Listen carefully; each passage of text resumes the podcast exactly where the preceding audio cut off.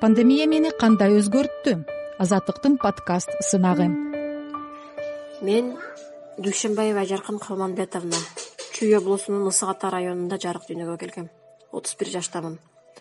Кыргыз мамлекеттик муса жангазиев атындагы курчак театрында актрисамын. Азыркы учурда эки баланын энесимин. Мен түшүндүм. Эне менен баланын ортосундагы сүйүү бул чексиз экенин э, бала бул. Эне үчүн эне бала үчүн өтө ыйык экенин. Бул жашоодо байлык бийлик текеберчилик атак даңк кооз кийинип кооздонуп жүргөн бул жашоонун акыркы саптарында экенин түшүндүм. Бул жалган дүйнөдө өзүңдүн кылган мамилең менен жасаган ишиң менен өзүңдүн адамдык сапаттарың алдыңкы саптарга чыгаарын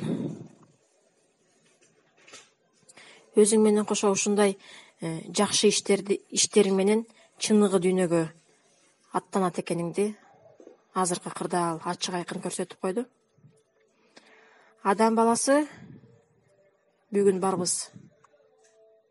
Эртең жокпуз ошондуктан кудай деп жашап өзүбүздүн ички кир жеккөрчүлүк ичи күйдүлүк ушакчылык жана башка көп адамдык өтө кир сапаттарыбызды кичине болсо дагы өзгөртөбүз деген ойдо болдум.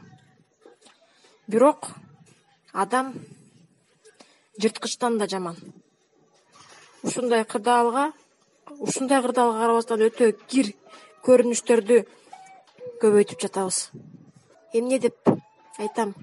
Мен өзүмдү биринчиден жакшыраак болууга аракет жасайм бирок мен үчүн бейиш өтө алыс өтө алыс турат.